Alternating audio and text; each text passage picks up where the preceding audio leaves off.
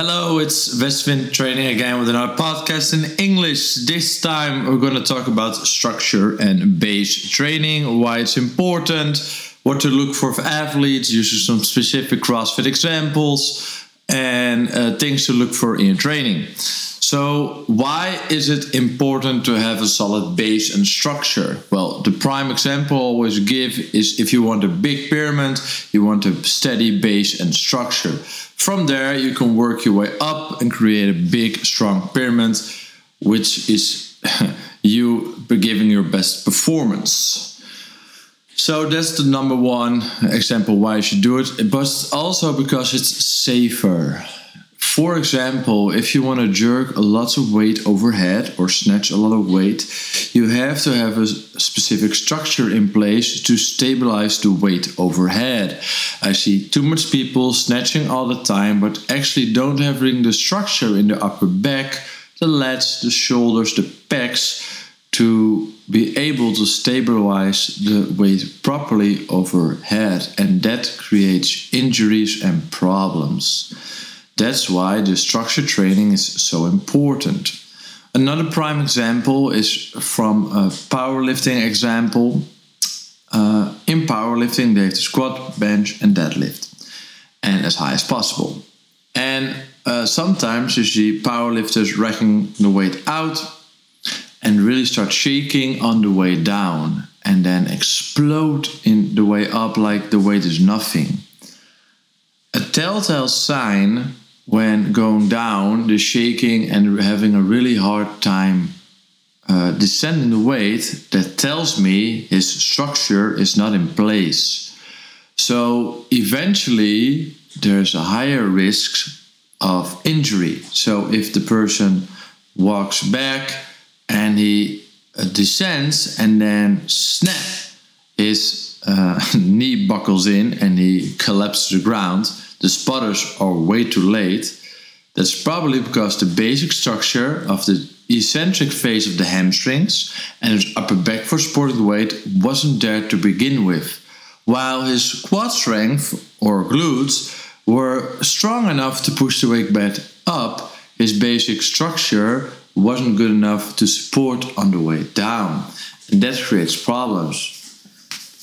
But if he was able to um, build that structure for supporting his weight on his back, his obliques for stabilizing, his hamstrings for descending the weight, he would be able to lift a way more higher weight. But because he didn't train the structure, he uh, yeah fucked his knee up.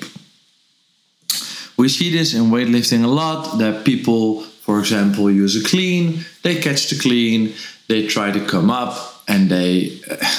arch like a big potato in front. Um, sometimes that's a technique issue, which probably can be the case, but also lots of time the obliques or the lats they pull down because the muscle is strongest where it is, is shortest. While the obliques and the lats contract downward, your elbows also go down, and in that weight you crash and burn. But if your obliques, your core, and your lats were able to give length and stand all the way up in proportion, you would be uh, standing up like it's nothing. The structure for the front squat or the catch to clean isn't there with the athlete. While building a structure is important. It's not the answer to do more cleans or more squats because you will have the same movement pattern, the same deficiencies, and the problem is only going to get bigger. But you gotta add specific exercises or correct the movement pattern and build all the muscles and the structure up. And that way you can prevent injuries and uh, build your pyramid higher and also get a bigger base. For example, with the clean, if your obliques grow stronger and your lats for support, you can handle the bar hitting on the shoulders and standing up without going all the way down. Then you fill that specific gap and you can use the quad strength you have to stand the weight up like it's nothing. So uh, what kind of exercises do you incorporate to build that structure or base, Stephen? Well, it depends. It's totally subjective to the exercise uh, or the thing you want to improve or where your weak link or your structure lacks in this point. But there are specific exercises, like most strongman exercises, that really help with that. A prime example are sandbag carries. So you grab a sandbag and you walk with it. You have your core has to stabilize the weight from not falling down. Your hamstrings have to move left, right. Your hip flexors have to uh, catch your moving the weight from left to right. Your glutes has to activate. Your erectors has to work. Your upper back also works in a static position. It all helps. Um, you can also use yoke carries, row pulls, overhead yoke carries, farmer carries, barbell rows, basic things to make it better. Also, lots of unilateral work will definitely help. Well, I learned some things from StrongFit, and he gives a few prime examples on some percentage you should hit to move safer and better on the structure side.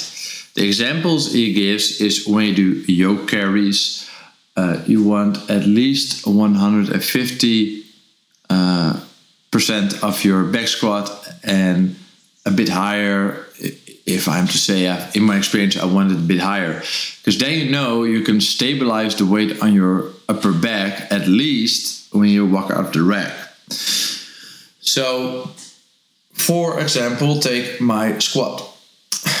I have a 210 kg back squat. We'll go with example that I have a 200 kilo back squat because it's easy math. If I want to walk the weight out safely, I have to have at least a 300 plus pound yoke carry. Because only then will the weight stabilize on my back. So if I wasn't able to walk with 300 kilos, for the yoke carry, the possibility of getting injured while doing back squats on a 200 kilo are way higher because walking the weight out will be heavy, stabilizing on the upper back will be heavy, and it will probably not be strong enough. So I always look for people to have a high yoke carry just to create a strong upper back and core while uh, squatting. Another example is the overhead yoke carry, and uh, if you have a snatch of say 100 kilos, you want to be at least be able to walk 20 meters overhead with that. And why is the overhead yoke carry such a great thing? And that well, that's because if you have the weight overhead, you have to stabilize the yoke from going into front or into the back and it learns to engage the pecs and the lats to stabilize so for instance when you catch a snatch and the bar tends to go in front or to the back you have to engage the right muscles to hold in place. And the overhead yoke really teaches that. Well i like the idea of having the weight for snatch. That's for just the basics to move safe. But actually, what I want is higher or as high as your one RM clean and jerk. So if I was able to uh, hit 140 on the clean and jerk, I would uh, at least want to hit the um, over 140 on the clean jerk. I want to hit at least a 140 overhead yoke carry. And if I want to build the clean jerk higher, I also would do over yoke carries to get 150, 160, so I know my shoulders can have or handle the weight overhead. We also use an easy farmer example, so you want to be able to at least farmer carry your deadlift for grip and upper back strength. Well, this is one of the exercises that I see almost everybody does a normal CrossFit training hit because deadlift is a specific exercise um, that CrossFitters they train it in a flow, but they also train upper back with cleans and stuff to make stronger. But with farmer carries, I have seen some power lifters that are really good at deadlifting, not being able to farm carry the same as the deadlift because they lack a specific strength area or structure area there and their deadlift would actually go up even more if they would be able to farm and carry more. So that's one thing i like to incorporate in training is heavy carries to build that up. The next thing is a sandbag carry goal and i love this goal and that is I want you to deadlift 50 or no, I want you to sandbag carry uh, 60 to 80 meters with at least 50% of your deadlift. This is really hard to do. If uh, you're able to carry 50% of your deadlift for a sandbag carry, 60 to 80 meters, then it gives me a a really strong foundation for lots of deadlift and uh, movements. I think people have a hard time with this. I get it because if your deadlift is like 215 kilos, you have to carry 125 kilos for the uh, two 60 to 80 meters, and that's pretty hard. They also have to have sandbags to weight. I think that's probably the hardest part finding sandbags if you have high deadlift. With women, this doesn't apply at all. The I women tend to do this way easier. Uh, so I wanted that weight to be enormous, way higher than this. Uh, I think I have a lot of women who carry uh, 90 kilos down and back for 80 meters, but they don't. They deadlift 120 or 130 or 140. But at least I know they have the basic structure to handle the weight. One other thing you can look at for deadlifting or for upper back strength, and this is actually really hard, that's having a barbell row for five reps. That's 50% of your 1 rep deadlift. So if you two, have a 200 kilo deadlift, you have to have at least uh, 100 barbell row. And that's for some people really hard, especially if you get up to like a 250 deadlift, because 100 kilo barbell row is still like well doable but if you get to the 120 125 130 kilo barbell row that's pretty impressive so i gave some examples from strong fit movements or strong man movements you can use to uh, solidify if you have a basic structure. But next to solidifying that you have to actually train it and make it better uh, or else you will break a prime example of this in the games sphere is Haley Adams. She's a freakishly good athlete conditioning wise, but she lacks a specific strength. And especially in the odd objects, uh, things like heavy yoke carry, she breaks. You can see her knees caving in, falling down, bending forward, and actually, uh, this year we saw an even better example was not being able to carry the Husafell sandbag up the stairs. And why I like it so much that she had such a hard time with it. I know she was exhausted, but she wasn't winded enough. It was she couldn't handle stepping up the steps with the sandbags. So her structure couldn't handle that point and she literally breaks and it took her so long and it costed her the event win because she wasn't able to uh, get the sandbag up and it was so saddening to see because if she just worked some more of the strongman stuff odd object stuff building that base that structure she would have unlimited potential. Also for her snatches and clean and jerk would be way higher i think if she built up the structure and it's so sad to see an athlete of that caliber not using their potential.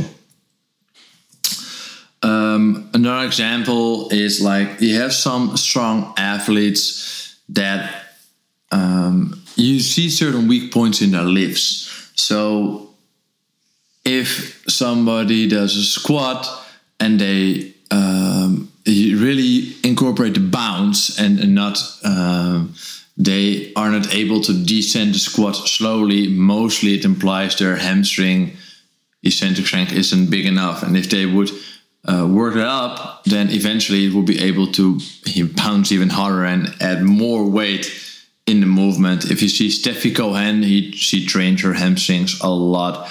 And she's really able to really descend slow on the squat and then explode up. And Stefi Cohen is one of the best, or was one of the best power lifters in the lightweight women sphere. Um, yeah. Okay, how to incorporate it in your own training? Well, for instance, I would like to say try to incorporate more basic strength or strongman movements in your general training to fix those problems. And doing some yoke carries, sandbag carries, farmer carries, building those up, making them strong will really help. Uh, I also love rope pulls for building that one hand over hand strength to make you stronger. Um, and eventually helping lots of movements. A rope pull is also something we would like to train in the CrossFit athletes wear in across athletes, especially with women who want to get better at legless rope climb, because it's really easy to get a lot of volume in, uh, a lot of reps, and make them stronger in isometrically holding that position on the bicep, and eventually they will be able to build up the legless rope climb.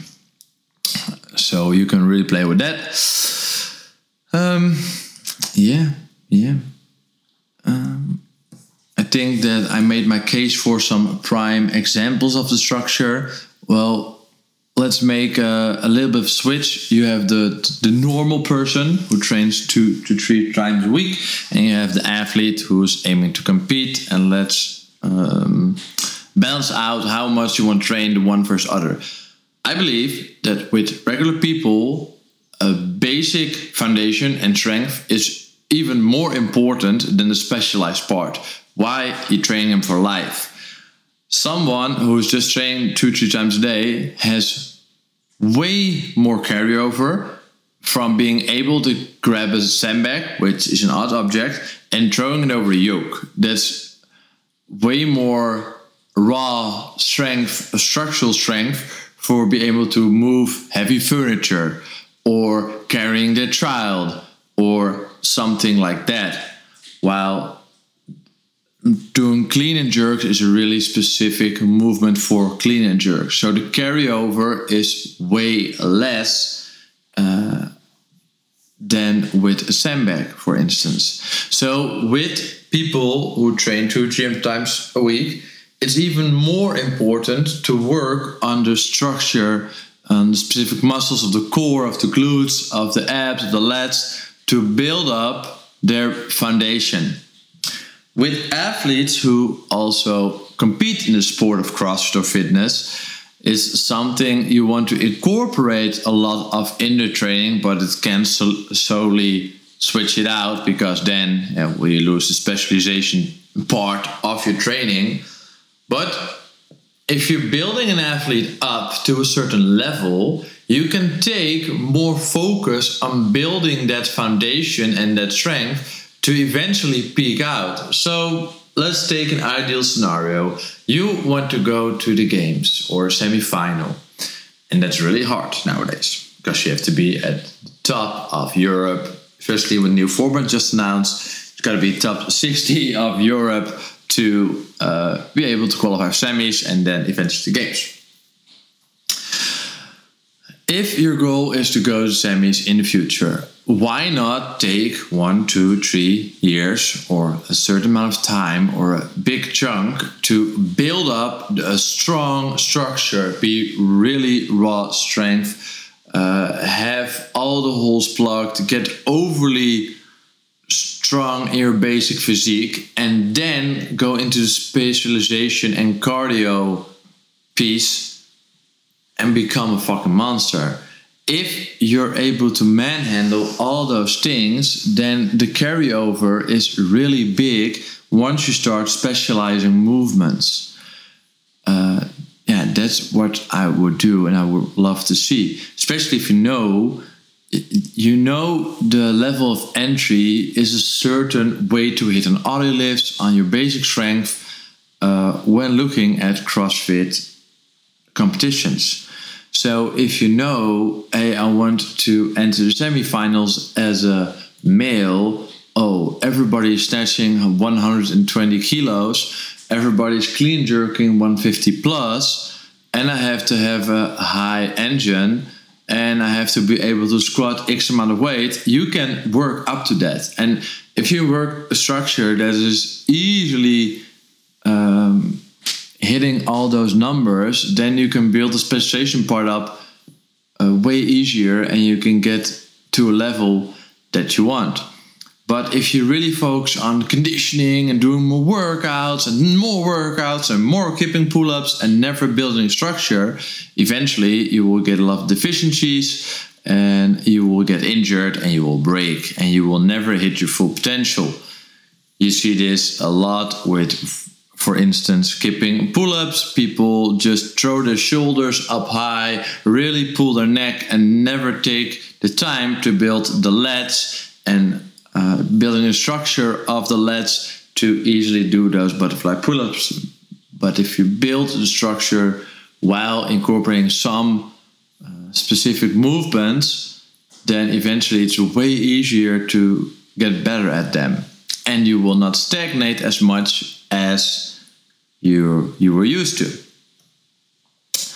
Um, so the easiest thing if you're going to your train right now and you're thinking shit, I need to change something, and you're doing a standard CrossFit training, so hitting some ollie, uh, doing some squats, and doing two WODs, the easiest thing to do is throw WOD out and create some functional structural strength with some basic strongman movement. Try to incorporate some sandbag carries a few times a week, some lighter, some heavier. Try to incorporate a yoke carry once a week or a heavy farmer carry uh, try to work extra on hamstrings and glutes with glute ham raises, hip extensions, Romanian deadlifts. Um, try some incorporating a lot of barbell rows to build up some upper back strength and do some overhead carries with double kettlebell, one kettlebell over a yoke has my preference if you're able to over carry a yoke. some people aren't able to, and then it's hard to build up. Uh, do some front row carries, things like that. Add row pulls at least one time a week. For some people, it's even better to do two times a week, one heavy, one light. Um, yeah, those are some easy things to build up the structure. Huh? So, why is the structure base important? It's to build a solid foundation so that your rate of injury isn't really going to go up. Uh, how to incorporate this is choose a few exercises with the stimulus of the existing exercises, maybe drop some out to build it up. If you have more time and you're really broken, I would incorporate more of it. If you never have any problems, never any injuries, just a little would probably be enough. Um, if you have athletes that don't train a lot, I would even use more of these exercises. If athletes train a lot, don't have to be that big of a volume. Uh, just a part of the training. Uh, I think that's the easiest way to describe that part.